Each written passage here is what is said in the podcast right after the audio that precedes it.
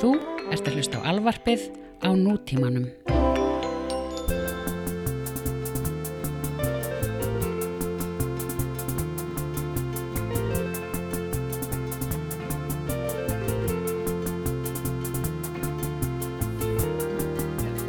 Uh, okay, here we go. Um, a special episode of Filalag. First one in English ever, because we have an international guest with us here today. Welcome, Octavio Juarez. Thank you. Um, Octavio Juarez, um, we're gonna speak in English, but you I are from Mexico. you're from Mexico. Yeah. Okay. And um um you're here with us, or it's just me. Berkut is here, and Okta Snorri is not with us now, um, uh, because you are um you really like uh, to um, you get very emotional about music. Mm-hmm. Um, so the name of this podcast is called it's Filalag, which just translates to to feel a song. Okay. Uh, but we use the the verb fila, Mhm. which is uh, not really Icelandic. It's like in the English word verb to feel about like really uh, being emotionally attached to something Mm. to the point that you, but it's like a, it's a, uh, it's a jolly thing. Like if Okay. you feel something. It's like dig. Mm-hmm. Like in English when you say dig. Yeah. So like the podcast would be called "To Dig a Song." okay. Okay. So this is about digging a song. okay. Yeah. So it doesn't Makes have sense. to, yeah it doesn't have to be highly emotional, but Yeah. Uh, in this case it's, it might be so. Mm-hmm. Uh, This is one of your favorite um, uh, band. Yeah. It's really important for Mhm. me.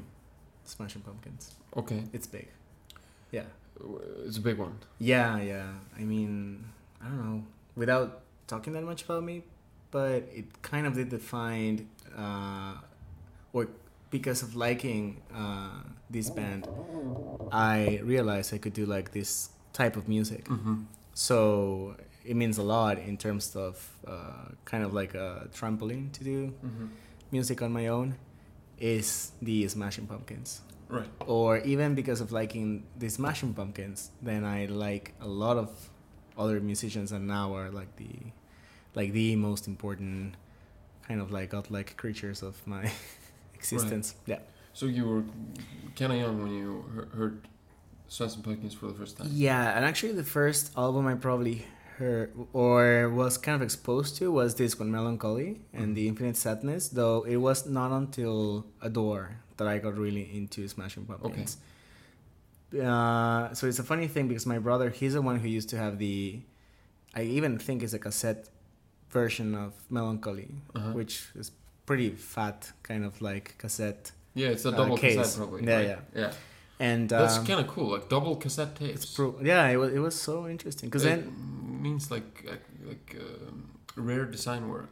Yeah, and the and the case was pretty weird because Mhm. I remember like they have to hold the two traditional cases in Mhm. it, and he I, I think he never like he probably lent it to someone and Mhm. lost it, but I do remember that what I found interesting was the all the artwork artwork of the album is because years later when I did got into Smashing Pumpkins because of Adore, uh, I got Adore and I remember like this was like probably like July ish, which is my birthday. But then by December for Christmas, I remember I to my parents like they will always give me like one big gift. So what I did was go in regression uh, uh, with the discography, right? So the next album was right, right. Melancholy. So that then I got the the CD version of it, Ah. and remember being kind of like shocked of the differences or the design struggle between the cassette tape version of it Right. the booklets are were the booklet of this um, album is like and i think this is a smashing pumpkins especially in the 90s like the artwork is so important Mhm. so in a specifically melancholy has like two booklets so that's like insane uh, as, a, as a fan who's buying a CD back in the day. Like Yeah, two booklets. Yeah, and actually, what I got first, even before Melancholy, was the box set of singles, which has uh, it's called um, "The Aeroplane Flies High," and this includes all the the five singles. I think it's I think there are five, five, yeah, for from Melancholy, Mhm. and each of them are like an EP of its own. Mhm. Uh, and it's funny because the way Billy Corgan did it, and he has just recently reissued that box set, uh, is that he kind of groups all the songs under the style of the single. So like 19, uh, 1979 will Mhm. have like more of that line of, of I would say the more poppy kind of Smashing Pumpkins.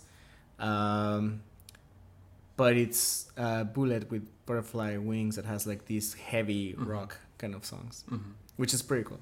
And the, they, they are both singles from the uh, record, right? Yeah, so we have uh, I think it's well it's Bullet, then there's 1979 Tonight Tonight, Mhm. uh, which that single actually it's all that EP is Mhm. all like acoustic pumpkins. Um, 33, Mhm. Which is I think the last single of that uh, of Bullet, and Zero, which might be the fourth one. Do you think ever that Zero and Bullet are similar songs? They are, and as far as I understood years later, because when when Billy releases Machina, the Machines of, Mhm. of God, which is the 2000, uh, it's 2000, Mhm. uh, the last traditional Smashing Pumpkins or the traditional lineup last album, he kind of reveals that he was doing this through personas. So Zero is a a Billy Corgan kind of uh, incarnation, Mhm. and Zero is this like is him as this super successful rock star. Mhm.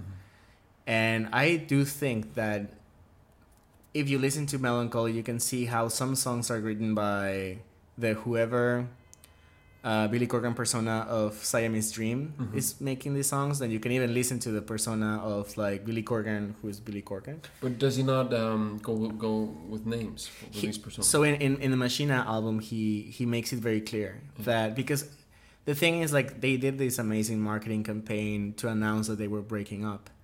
So because the album Machina or Machina, however people Mhm. call it, uh, has like these weird encrypted messages, and if you get the album, you you can al- actually see the na- the date of the announcement, but nobody knew the announcement that they were breaking up.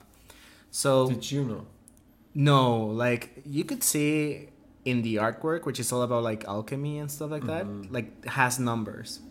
But you, I remember like I just didn't know what it was, and yeah, Billy was very crazy on artwork, so everything has some sort of symbol to it, and uh, Does he do some of the uh, artwork himself? I think he did for Melancholy at least the art direction or part of it. So is it and- more like he's like Steve Jobs, just screaming at people to do stuff? I mean, I guess he was because he was back in that 1996 melancholy. Would you say kind of like straight a- up is he a is he a sociopath? That person. I don't know. I feel like people like to portray him like that. I just think like he is, you know, like back in the 90s, like That was the way to go. Like so you will make like this uh, grunge or alternative rock music just for the sake of making it. I think he had a vision and was like kind of a businessman, mhm. and and, and releasing a double album. He's like from Melancholy- Chicago. Yeah, that's where they do business. and he was very poor, so I guess he always Ah. aspired to be It's like something like, self-made that. man. Kind Yeah. And and having a, a double album and the ambition of having this double album that then turns into this thirty plus, forty plus uh, box set and uh, release all that in one era. It's just It's ambitious. Uh, very ambitious. It It's, it's one of the best-selling double albums Mhm. ever. It is. Probably up there. With the, Yeah, and I guess people. So what I find interesting about Melancholy is that it's not. I don't know. I guess it was somehow considered mainstream, but if you listen to it today, I don't. I don't see any of the mainstream formula in it. Like yes, maybe 1979. yeah, but even that is not um like even though it's. I mean, I would say it's a pretty somber, dark song. yeah. And uh, even Siamese Dreams might have more of a mainstream Mhm. aspect uh, to it. Uh, but or yeah, but like I, I think like after Melancholy definitely uh, goes somewhere else.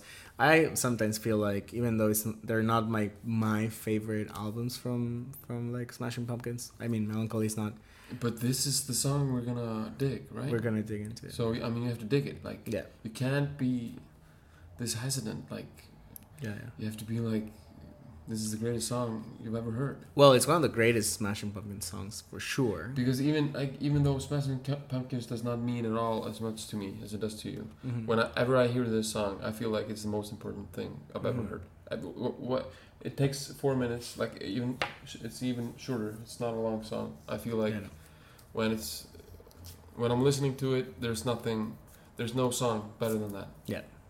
Uh, and I mean, I'm mesmerized by it. I just think that the name, because it's not a like a, it doesn't have a very clear narrative or anything. Like the, it's more like a sentiment. The, the Mhm. lyrics of the song, it's more like a like even a declaration of some sort Mhm. about uh, it, it's, it's not telling any specific tale of something that is getting resolved through whatever it's more like just one clear gut feeling Yep. letting getting let out so wh- what do you make of the the title Uh, I think it's. I've always thought it was about something that you love life, but it's gonna hurt you.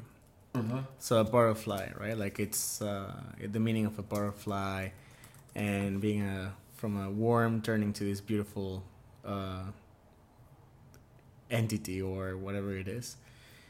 Uh, but representing like merging it with a bullet, right? So bullet, what it is, what it means to have like this type of mechanic guns in our like society. You know, it's like we've reached so or achieved so much but part of like war and violence in a way. So it's like a beautiful violence, and that's what makes the world. it's beautiful violence It's beautiful violence. Yeah. but in this sense it would be like um, the outcome is good because if it's a bullet with butterfly wings it means you shoot it it doesn't hit anything it just kind of flies So I don't. I guess that's why I like Smashing Pumpkins because I always see the dark part of it, and it's like me loving Bauhaus but not being able to say that I love Bauhaus because it's not. It will, then I will be like dark and, and and a freak. But if I say that I like Smashing Pumpkins, it's okay to be dark in that Are you sense. talking about Bauhaus, the band? the band, yeah. okay. So I thought you were just talking about the um, the, the yeah, which is also dark too. yeah, because you're an architect. Yeah, yeah. Yeah. No, no, this is a band. So if I feel like uh, at least when I was a, teenager, uh, which is when I'm now having this whole adore uh, melancholy revelation. Yeah, I, I, it will be difficult for me to, in my context, say, "Oh yeah, I just love like dark music," without being stigmatized as a dark teenager, right? Mhm. Smashing Pumpkins being so mainstream could be dark, and and, and, and I actually think "Bullet with Butterfly Wings" is a very dark song uh, that talks about that sickness of this beautiful, savage, violent world we live in, and it just drains you, right? Like I think it's um, I think it's like I think it's a very very dark song, and I think just to, to put it in perspective, like how how mainstream this was perceived as and was like because it sold millions of copies Mhm. and charted high, like was had much radio play and stuff. But I Yeah. mean, this is about uh, this is about a person that is about to do a school shooting. Do you know, know what I mean? Like the rage Mhm. is like almost of a school shooter yeah. kind of like we, we're up there with um, like this is a very frustrated person. I think it's all the whole teenage angst. You know? I mean, like- because like uh, 10 years be- before this, or even a little bit more than 10 years, 15 years before this, The Cure, the British band, they were the main teen angst band, Mhm. uh, at least in the UK and America too. Uh, they're pretty dark, but it's more like, you know, neo romantism. It's kind of. It's, it's beautiful, dark, kind of. It's not. It's not really violent Mhm. lyrics with the Cure. yeah, yeah. It's more, you know, I want to die of love for Yeah. this, you know, I'm so in love that I just want to wither away. Like, kind of roman- romantic, uh, dark. But this is more like, Smashing Pumpkins is more like industrial, like, uh, I want to poke, uh, like, a th- I want to poke something into uh, a, a dead pig's carcass and Mm. twist it, like in a Yeah, I guess like, like Billy was or seems to be upset with life, and not now, not anymore, and that's why his music is so different today. Uh, but he was upset. I think he, at some point, he had a blog where he wrote about his life, and you can see how it's kind of like a tough life, and like the how so? How was it tough? well, I mean, tough in the standards of American living, right? Not not ah, tough right. as in Like in India, I would. uh, probably it would be. like but yeah, I mean, Like he- double garage, okay. Uh, Yeah, yeah, we don't really have that, but okay. Good that you are full of misery. yeah. I mean, I don't. Re- I might be. I'm pretty sure I'm not making this up, but I do remember, It's like for example, Just he he was poor, and living in a, a warehouse, have having no bed. cool. I mean, It is, and he had like cockroaches all around him, and then Mm-hmm. I remember like, and this is a part that I maybe might be not very accurate, but I do remember that at some point he acknowledges the cockroaches, He had what? like like all the all these insects around him, right? Like misery in the warehouse, and he writes today, which is another Uh-huh. classic. So that's Billy Corgan. It's like these amazing songs. That was that the first big hit, right? I think it is. Yeah. Uh, yeah, because after that you have like Disarm, and I mean, because the other songs were doing fairly well, and he has this thing about the, his first album, like he thinks he was overshadowed by the uh, commercial uh, success of Nirvana, Yeah. and they were kind of in the same level in a way, or at least uh, for some reason they're always linked. Yeah. Uh, so, but anyway, like moving from that, then he goes with Siamese Dreams, an amazing raunch uh, songs, and today being an example of that, those like kind of like I'm pissed and sick and depressed, but I make very digestible music. And then the next album, the the the one of the lead singles is this song, right? Like Yeah. Bullet Butterfly Wings. So it's more like I think it's him more comfortable with this being an upset guy who begins to digest that he's this zero personality, right? Which is a rock star now. So make the the rock star living out of music like this, and and it's pretty symbolic to the uh, pumpkin fandom, which we call ourselves pumpkin heads, of course. And it's a very revealing song. It's very strong. It's very commercial, successful. Uh, so I think it's like a triple win. It's more like Billy Corgan Ah, okay. winning, all these pumpkin heads identifying with Okay, this it's like great. He, he gained new fans. He got a better like connection with his true fans, Yeah. old fans. Plus, he got a lot of money. Yeah. Now, if you see the Simpsons episode about where they're playing, I think it's Lollapalooza, Yeah, yeah. And the way they portray Sonic Youth is there Sonic. Youth is there. Yeah. The way Like, they portray the the fans, Yeah. right? Like this alternative rock kind of 1996, Mm. 1995 style of like apathy Mhm. and enjoying. That's the Smashing Pumpkins, and that's the fandom. It's this like all the quirky kind of It's kind of hard, you know, to have. It's kind of a, a contradiction because if the thing you wanna kind of, if your main thing that you wanna express is apathy, like if that, if that's your deepest feeling, like I don't really care anything, like nothing matters, like with, uh, like with nu metal bands like Linkin Park or you know they have this and a lot of other. Uh, and some of the grunge bands and a lot of American bands that have this nothing really matters and a lot of people connect with that but why would they care for the band if that's like the main Mm. slogan Well, I think that's the whole message of this album or Smashing Pumpkins is I, it seems like I don't care, but I actually do care about stuff. And then Uh-huh. so much that he is a magnet to this type of people who seems like they are like the typical 18 year old back in the day who was not into anything and considered a bum. yeah because they were not into cars Yeah. they were not into But they do care. Like this song is that about like how I much care that I am drowning in this world, right? Okay. Which is a, a, a draining world, which I think, and that's the beauty of that first, pa- uh, like the first thing he sings in the song is the statement of the song and the statement of the album and everything else. uh-huh.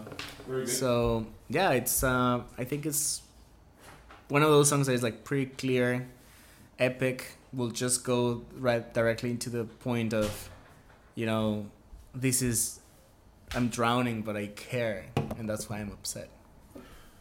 and the rage, right? Let's uh let's see how it um, goes with the lyrics. Let's try to do it line by line. So we got the world is a vampire. Okay, where do we go from there? Sent to drain, but not like just drain, but to drain, which is like it's like really He's making a song, Yeah, let's, yeah, I let's find we do. Yeah, yeah. yeah. I know, but it's like like it's almost like you know we're not we're not gonna. Are you gonna drain? Are you gonna drain that sink? Yeah, I'm gonna drain it. It means like Yeah, yeah. you know I'm really gonna suck it all up. Like okay, so the world is a vampire sent to drain, and this actually s- a- a- already raises a question because if it's sent, it's sent by somebody. There's some original motivator Yeah, yeah. who sen- sends it, but we can we can leave that thought for now.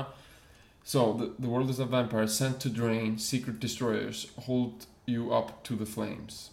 Okay, so the uh, vampire, which is the world, is not draining secret destroyers. Secret destroyers is a, is a new thing. Yeah. Okay, so the world is a vampire sent to drain. Period. Like just drain Yeah. in general. Okay. Secret destroyers hold you up to the flames. Um, how do you picture these destroyers, secret destroyers? Like what kind of what kind of physical uh, element do you see there? Politicians So you see like people, it's a Human person- beings. it's human beings. Because with I- specific roles. okay, because I would see, I would, I would be like, I would think like these are, like some kind of like, a, um, you know, now I would maybe think drones. Drones. yeah like uh, technical stuff but before like because he's already talked about vampires i would think like uh like some small kind of flying like Mm. uh dragon gar- gar- gorgontile what is it Yeah, called the uh the stuff they have in architecture yeah, yeah, the gargoyle. the gargoyle Yeah, yeah. types Well, so because it says he's a vampire, that's why I think it's a human being, or like a distorted human being. Mm. And um, I do think he's actually singing this song to God and saying like, "Hey God, I have realized what's your gig, and you send these other human beings that we are supposed to look up to, and that's why I was saying like leaders and role, like Mm. politicians to like uh, kill each other. You know, like I think it's like this statement of like God, I know what you're doing. okay uh, i think god was uh, shaken at that point by uh, this He sings Billy- a lot to God, which is pretty Billy- interesting in, in many songs. God was uh, thinking like, "Whoa, this Billy Corgan guy from Chicago, he's really, really nailing it. I, uh, he's on to me. Like he's, I, I think, I, I think you know, I, I've, I've been running this world for a few thousand years. Yeah, and uh, you know, I've seen some, some, some war and some suffering, but Yeah. you know, I've, I've never personally been like affected or afraid of anything. But, but this, this guy." This Smashing Pumpkins guy, I mean, He he's knows, really, he he, knows. knows. I mean, I'm gonna, he knows what I'm doing. I'm gonna so- close the shop now. Okay, so uh, Secret Destroyers. This could be Bill Clinton. Well, okay, who, who's around? Wait, make it sound but who's silly. around 1996? He's president. then? Bill Clinton. Yeah. Okay, so yeah, yeah, hmm and especially him because he's so charming. Like I feel, Yeah, like I feel like I want to hang out with him. On, yeah. but that's sure. like something that maybe is misleading, right? This sick, this I secret guess. I destroyer guess kind of thing. being that powerful, I guess Yeah. he must be kind of. I mean, he's not like good to the bone. I mean, Yeah. he has some. He's rotten a little bit, Yeah. like twenty percent. So there it is. like rotten. Okay. So and what do I get? I love this. Like So that's why even I think it's even more yeah, to God, so- right? So like what do I typical for my pain? For yeah. my pain. Betrayed desires and a piece of the game. yeah, it's the game we're all playing. Okay, it's cool. So, uh, so for in, in exchange for all the pain, he gets betrayed desires and a piece of the game. Yeah. Because I guess that's what the game is about. It's about having a desire which you will never get fulfilled. Okay, this is, um, this is solid stuff. Yeah. It's, I mean, it's slightly adolescent, but in, in a good way. It takes the adolescent sentiment without being just like childish. Yeah. It's like a grown poet ha- having the spirit of the teenager Yeah. in him. Okay. even though I know, I suppose I'll show all my cool and cold, like old job. So this Play it cool. this should have like capital J, right? This is Job from the Bible, right? I always thought it was just like go on with the role, but definitely yeah, Job. But because he was like always showing. He's also strength. someone who is all the time kind of, uh, kind of like You are supposed to know on God. You're supposed to know the Bible. You're you're Catholic, right? Yeah. Well, actually, Job is one of the most I find interesting.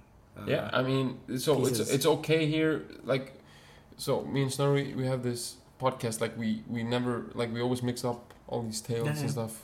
So like, it's okay. We, like, Yeah. I don't really know what Job was about. I just know Oh, that it's, it's important. he is important, and then he has this, which goes to my what I think is the attitude of the song. He has a similar thing. I kind of forgot the all details of it, but he is calling on God for this cruelty. Okay, Because Job probably something happens to him pretty tragic. he's tried probably.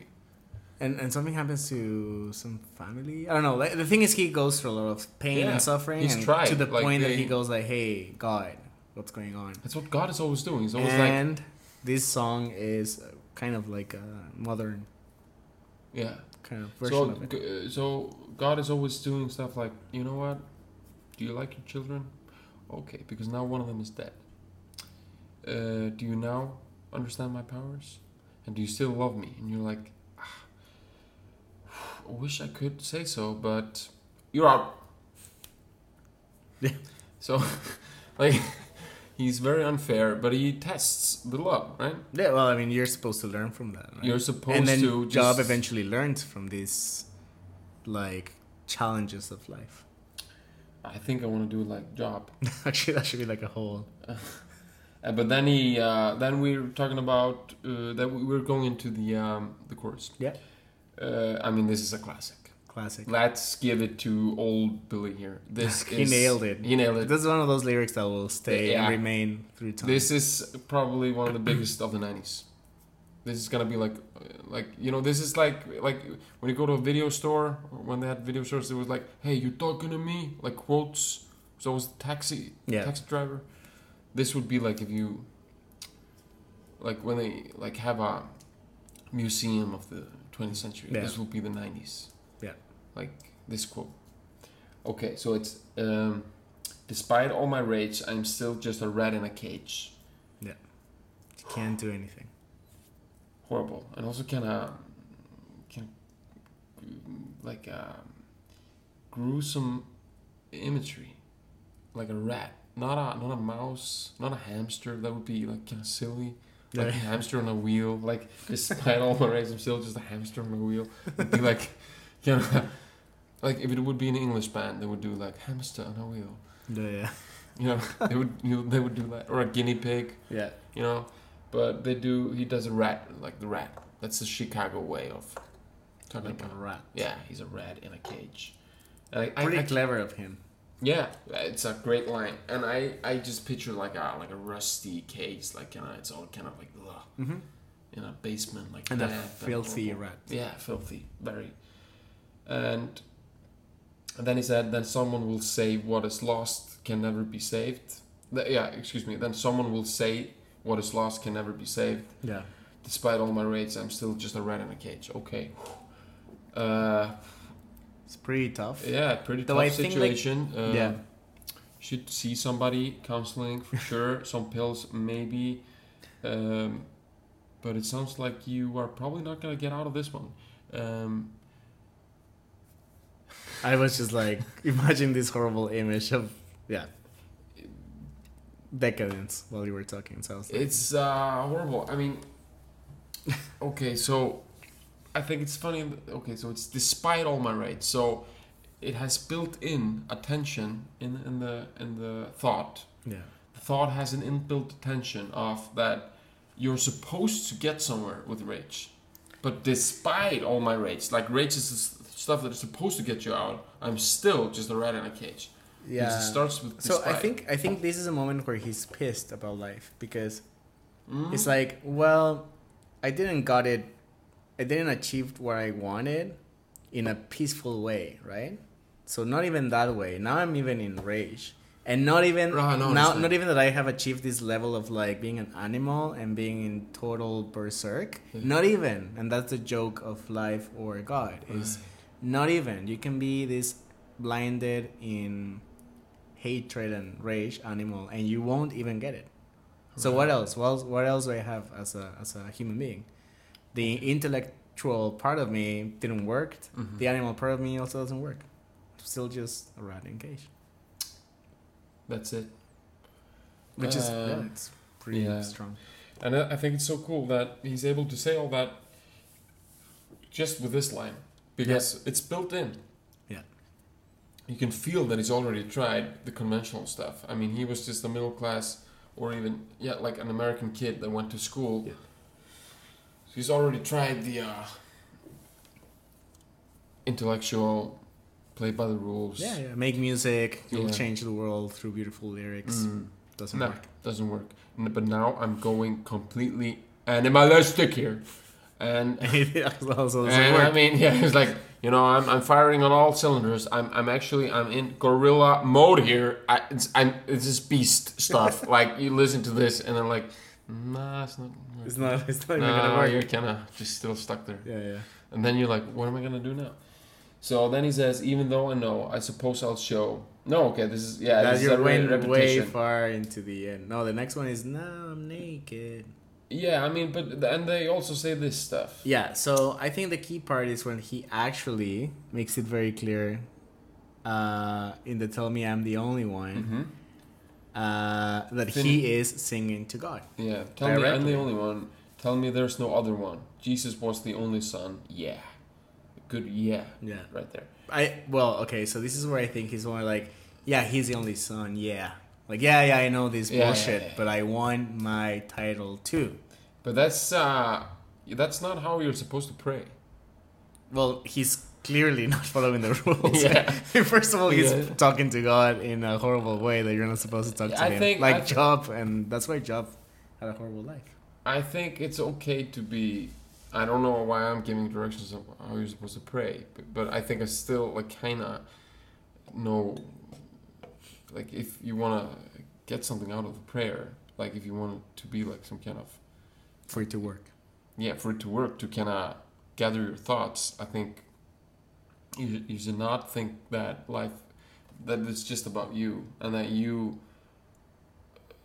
like, that you need God to tell you something about that you are special. I think that's usually when religion goes kind of wrong.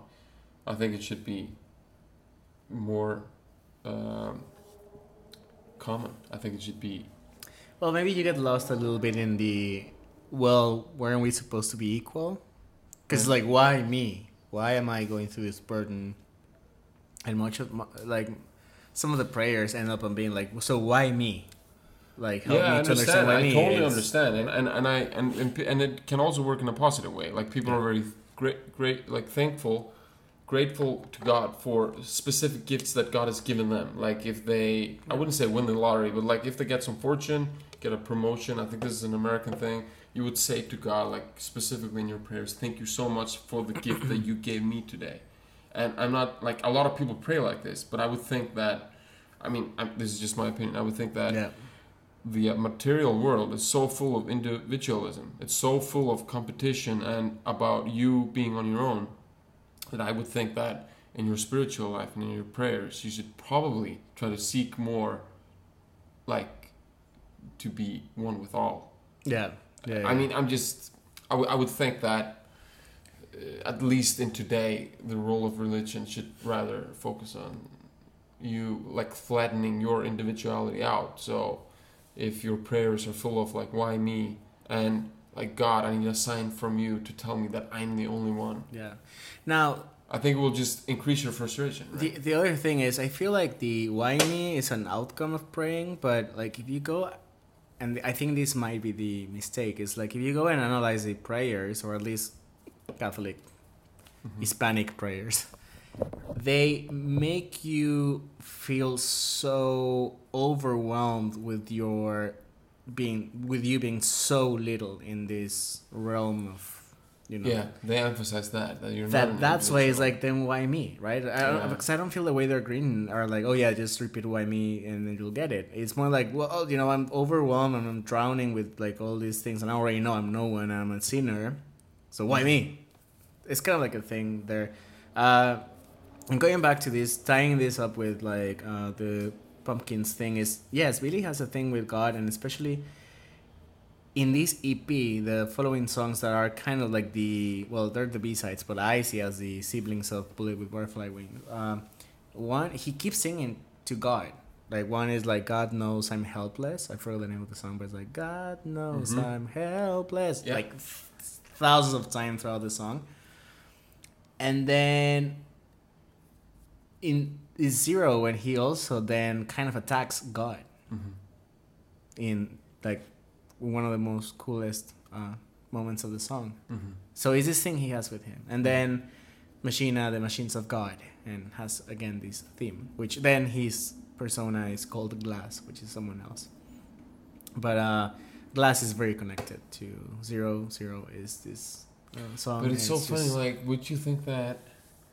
I mean, was it any worth? Like, is it worth it for a person in rock and roll in the middle of the 1990s to attack God? Like, is God? God is kind of already dead, like for 20 or 30 years or 40 years in rock and roll by then. Do you know what I mean? Like, it's always been Yeah, like, uh, like it's not like, uh, whoa, like you know that you know that that new single with this band, Smashing Pumpkins. They they are actually attacking God. Yeah, yeah. Like you know, So Billy, and I think this is his frustration. Is I, I don't think he ever cried thinking I'll be commercial, right? It's just this accident happened. right? So for example, when I see things like the All migration still just a rat in a cage. That you can connect with very easily. But the someone will say what is lost can never be saved. That's I will assure that that's actually something very personal to him. Same as the mm-hmm. mentioning or kind of suggesting that is for God or the other songs that go for God. So it's like he's just doing his stuff for himself and he doesn't care about anything. Whoops happens to be you're selling millions. I think this one is 40 million ish. Um, top one song. It's probably happened, forty right? million because what they do is that if it's a double album, they count it twice, right? so twenty million of a double album is like forty million because it costs twice. The, Yeah, because I know Adore gets to be like close to 10 to 15 and it's considered a flop, which is actually That's a lot. crazy. But anyway, yeah, I never. I, what a flop! What a flop, but yeah, I which is actually my favorite album and has Mhm. also some sort of like goth connotations to it at some point. But yeah, Okay, so um, and then it ends with, and I still believe that I cannot be saved. Yeah. Uh, he's just getting comfortable with this ratness. I love this, and I still believe that I cannot be saved. Like I wasn't that positive before. Uh, now Clearly. I can. I'm, I'm still not convinced that I cannot. Yeah, I'm. It's like we start in darkness. Yeah. The world is a vampire, and we end with. Uh, it's still kind of not happening for me. Um, It's kind of he just knows it's because you know pop songs from the 60s even 70s they had like you know i'm kind of down it's not it's always raining and Yeah. then the sun comes and you find a girl and you're kind of happy in the end have like a progression Yeah. to them I mean, you know so, that's okay, so this is the beauty of This song is that think of what's happening elsewhere. So eventually, OK Computer will be released, right? And Thom Yorke's lyrics make no sense at all, Mm. and he, I think, on purpose, even doesn't even care if you understand what he's singing, right? Or you have Red Hot Chili Peppers about a Mhm. girl, or Aerosmith like uh, uh, Love in an Elevator, Yeah. right? And this guy is just talking about like really deep things that only mean something to him yeah and you still want to listen to this song. That's what I find amazing of Smashing Pumpkins.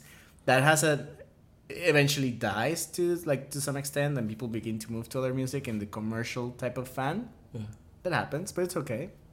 this is maybe uh, an example of um, of a thing where, where a very personal thing just happened to connect with so many people on a personal Yeah. level that it became a mass And it's a dark thing, which is why I love it. Um, how do you think he sleeps?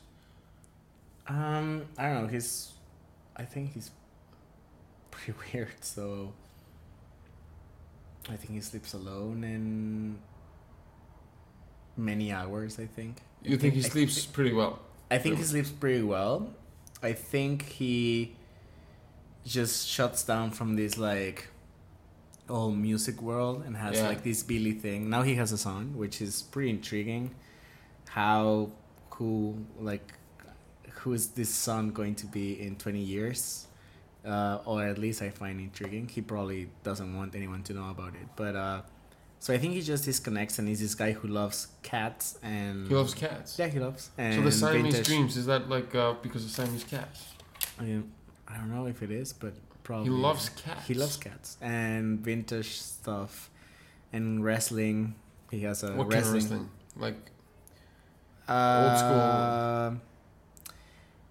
So I don't, know. I don't know. I don't know the terminology. So so- it's, yeah, it's okay. not WWF, but what will be just before that. So it's not. It's professional, yeah. but I guess without the very theatrical kind of like uh, aspects of WW.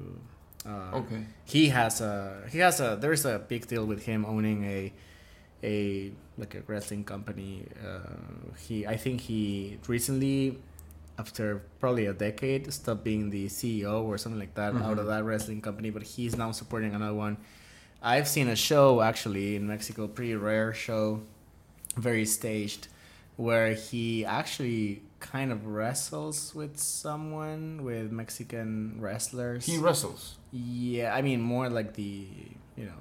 He kind of has a, like a wrestling body. And in the states, he wrestles. Uh, well, in one show, not wrestles, but like just he's playing a song and smashes the guitar on someone, which is similar to what happened in Mexico. He's, uh, it's in this After Zeitgeist, which is the comeback album, and he's kind of like trying to get away from the past. So he hasn't played Disarm that much. He's playing Disarm for the first time in years, and then a wrestler comes in and interrupts. Tell me, was uh, was Nacho Libre a popular film in Mexico? Mm, I don't. I don't think it was like. I mean, it, it, it was kind of no. I, I think it was not a very funny movie, but I thought like did it have like uh, uh, more impact in Mexico because it's about Mexican wrestling wrestlers. No, no, I don't think it was like something revealing. I think people went to the sh- to the movies to support the the the girl who is appearing in that movie. Uh, I forgot her name. It might be Ana de la Reguera. It's like this Mexican actress who's making it big into a American movie, right? But how do the Mexicans feel about Salma Hayek, like in general? And if you I don't. It's kind of a weird thing. Uh, I think they love, we love her. you love her, okay? Uh, she It's no- is. She's an influence. She has power. She's thought to be a good ambassador, Mexican culture. Yeah, I, I, I might not love the fact that she builds more into the cliches, so she will never drop the accent ever. hmm Uh, lately, you see her like campaigning pro Hispanic kind of like rights. Uh, I don't think she's doing it openly, but like by going to all these talk shows and talking about this uh, Mexican stuff. Uh, but in but in another, in the other hand, I think it's good what she's doing. She's kind of an ambassador, yeah. So, Who is who is like um, other famous Mexicans in Hollywood? Uh, Diego Luna, who is recently Rogue One, which is a big achievement, and I think we feel very proud about that. Um, there's uh, Cuaron, uh, all these like directors. Guillermo Mm. del Toro, I think he's Mexican. Um, I might be mistaken there because I don't know if he's Spanish, but anyway. Uh, there's quite a lot right now, but like recently, Salma Hayek was with this uh, bunch of Mexicans in Cannes. Those are actually the the guys, Gael Garcia, uh, Cuaron, Mm-hmm. uh, and these other two directors. I honestly forgot about them. But the thing about Salma Hayek, the thing about all of them is we've seen them grow from Salma, from the cheapest soap opera into being who she is today. right. Diego Luna also started like a chubby 10 year old in soap operas. Gael Mm. Garcia too. Gael Garcia is kind of like part of a dynasty of like amazing, highly educated uh, Stage actors. Or, actors, but Yeah. like with education, and Mhm. they influence also. Uh, his mom is amazing. It's basically him as a woman. Um, all these other guys are just so like there's this film school in Mexico, Mexico, which is kind of important. They're from them, most of some of them, and they represent that thing that they just start as like low middle class in Mexico, and now they are in Cannes bringing mariachis in Cannes, which France is one of the most, you know, or the way that I, I guess we see it is not as an open culture, Mhm. right? Well, like in Canada, yeah, let me bring mariachi and tacos, and that's fine. But over there, they have rules, right? So the Mexicans get to do it, and that's I think we're, I think we're proud of that. Yeah. Yeah. So um, to go back to the song, I think that the lyrics pretty important, very important actually, and beautiful, very good. Yeah. Uh, obviously, like the conviction, how he delivers the lyrics, the singing, very important. I mean, it kind of speaks for itself. I mean, we probably you probably love it, like how he sings. Uh, yeah, and I think actually in production values, like this is one of the songs that you can see the vocals, like his style in a, you know, You can hear it all. beautiful. Uh, it's funny that With we this- mentioned this because recently, uh, the one of the last tours uh, for Oceania, which is the second to last album, uh, I think. Uh, I, I, I, I went to see him live. It was actually really good. But there's a um, there's like this show that's been recorded, and you can actually see that it's the first time that he maybe might not be able to sing "Bullet" amazingly anymore. Yeah, I mean that's. Uh, But I think it's a bad day though because I've seen him perform Bullet years after that show, and he actually is Okay. doing it really well.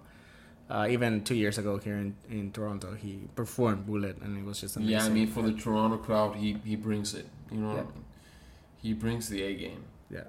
Now the funny thing is, in the he recently reissued the uh, single box set that I was talking about, and the funny thing is, he there probably explains everything about the song. But I honestly, We don't want to listen to that. We want to listen to us talk about the yeah, song. Like people I, that. I think I read it and I probably didn't capture that much of it. So, but would you agree that he's not a very sympathetic guy? Like, he doesn't like you know. I mean, in his art he is, but maybe like when he talks about his art and stuff like that, he's just mm, He maybe not too p- compassionate.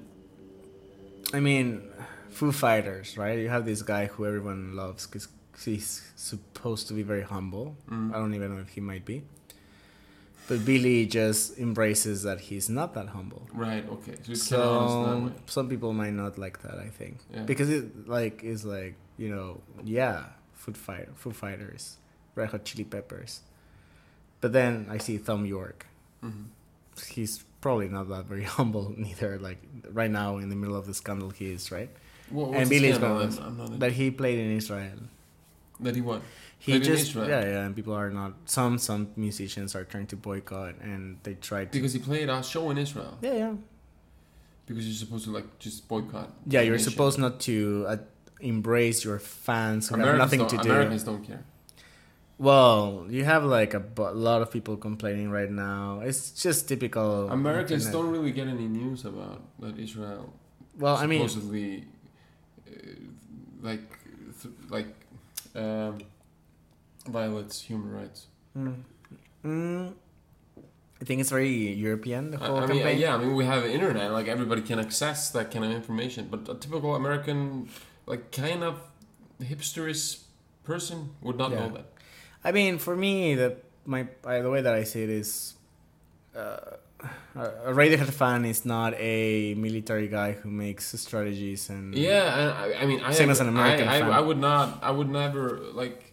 I think all these boycott things are kind of stupid. I think so. I think people need to feel that they have a strong belief against something, and this is one of those.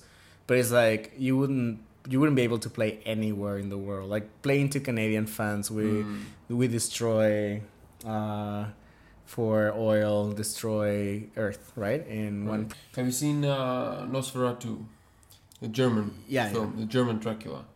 Would you say Billy Corgan is kind of imitating the Dracula guy in that movie? Or? I think he openly is doing it in a, in Ava Adore, uh, Yeah. and in Adore era for sure. Yeah, Even Machina a little bit. he probably liked that movie and like how it, and he, he could probably see that he could do it, so he kind of Yeah. went for it. And the Ava Adore video is about movies, and he is dressed as a movie character, which Okay. is uh, seems very uh, similar to Nosferatu. I think I could pull that Nosferatu look myself. I think yeah, I, I would shave my head because I have um, disproportionately long hands, Mm. like as opposed to arms. Do you know what I mean? Mm-hmm. So uh, I don't know if you can see it here, but this uh, from the um, from the uh, wrist to the tip of my finger, it's it's it's very Mm. long. Like it, It's it- actually I Yeah. never noticed. Yeah, it's uh it's much bigger than my face. You know what I mean? Interesting. Um, Yeah, I can see that now. uh, yeah. Uh, so I mean, it's just good to have that, like to know that, like Yeah. you can always go for that Nosferatu kind of. It's like a thing you can you can bank bank Yeah. it. Like, I mean, Sure. you're you're broke, you don't have any money, you don't have any ideas, but you're like, I could always like jump into a like a small sweater, and have somebody videotape me like with a grainy kind of black and white. Yeah. Uh, resolution, and I would probably look kind of like a German 1920s Yeah. Dracula type. That's something. Um, your last thoughts about Bullet with butterfly wings, just from the heart. Like, how much does it mean to you? How much do you dig it? How much? And like, you know, you can also leave the listeners with some, like, like, you know, this podcast. It's always we always uh, uh, publish it on Friday, and I mean, it's sometimes like we, it's not it doesn't have to be cheerful, but it should be something like, you know, I, I would I would say that this song kind of gives you energy. Yeah, yeah, it does. um, I don't know. Like my personal story with the song is I actually learned It's- my vocal range mimicking Billy Corgan with this song.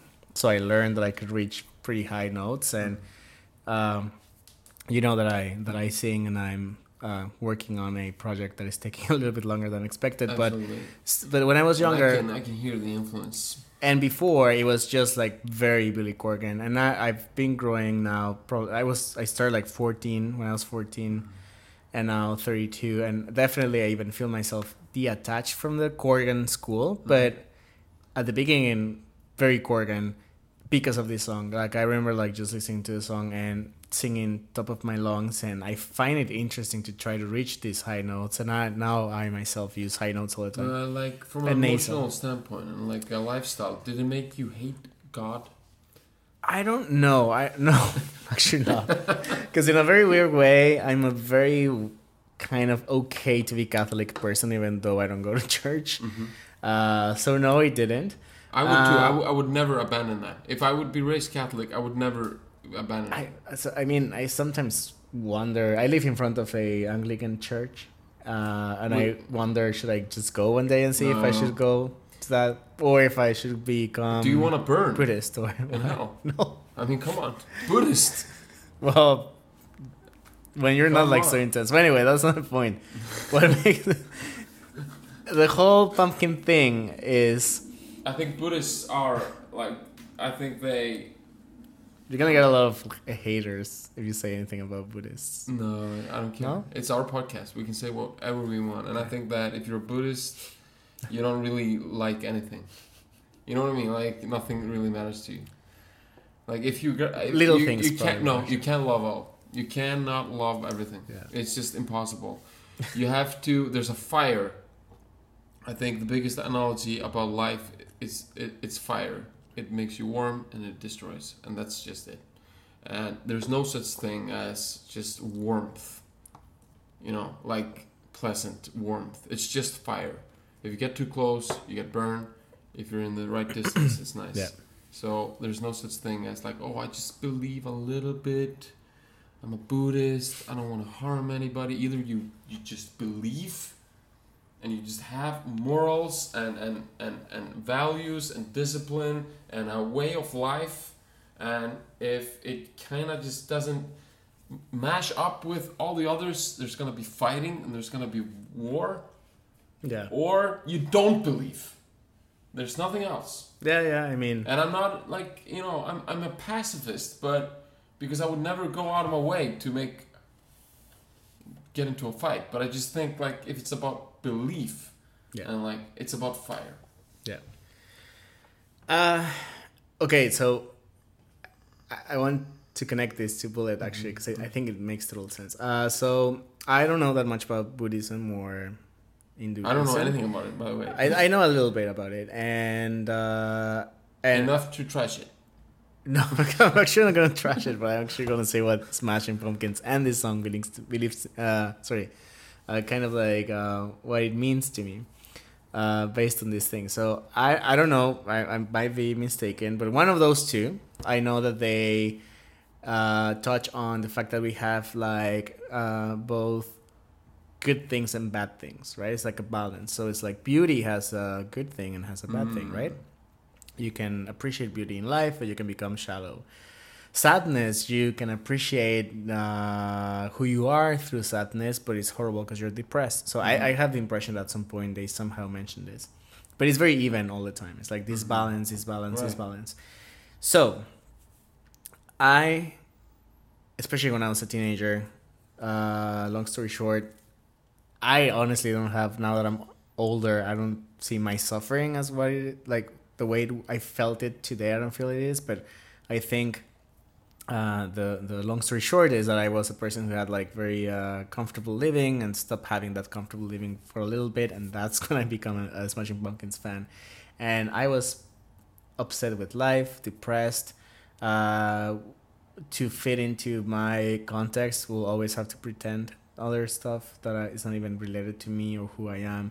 Uh, always acting, and you know, I'm not saying anything that is really uh, off anyone's youth. Uh, maybe some elements are pretty unique, but it's pretty much the same. Yeah, but you were like a, you were a major teenager. You're pretty much saying that you had high highs and low Yeah, lows. yeah, and pretty low and pretty high. And in this beautiful vision of everything is balanced, maybe if I would have practiced that or known that, I don't know, maybe I would be a different person today. But what I did know then is like life sucked and it was horrible sometimes. So horrible that it will kind of like eclipse the good things in life. But it was amazing to embrace that pain Mm-hmm. because it will make me do amazing stuff intellectually or emotionally. I never, it's not like I did physical stuff. And that's Smashing Pumpkins and that's Bullet with Butterfly Wings is just acknowledge that there's this dark part of human beings and it's ironic and it's cruel and it's sad and you can't get out of it.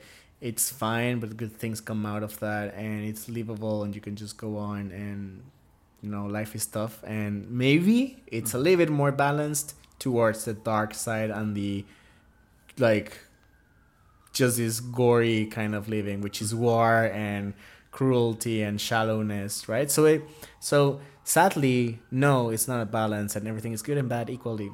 I don't think it is i think you can try to view life like that and probably that's this other uh, disciplines like buddhism but it's not. And actually the human brain will tend to focus on the negative. So even if you have like a perfect life the one thing that is negative will overrule. Let's hear it. yeah. The world is a vampire.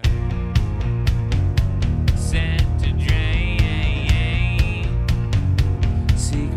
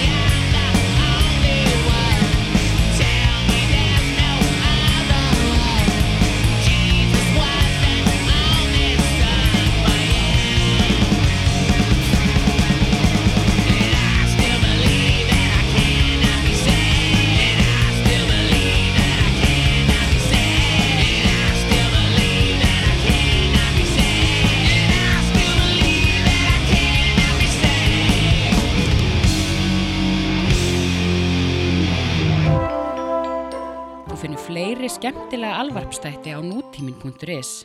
Takk fyrir að hlusta.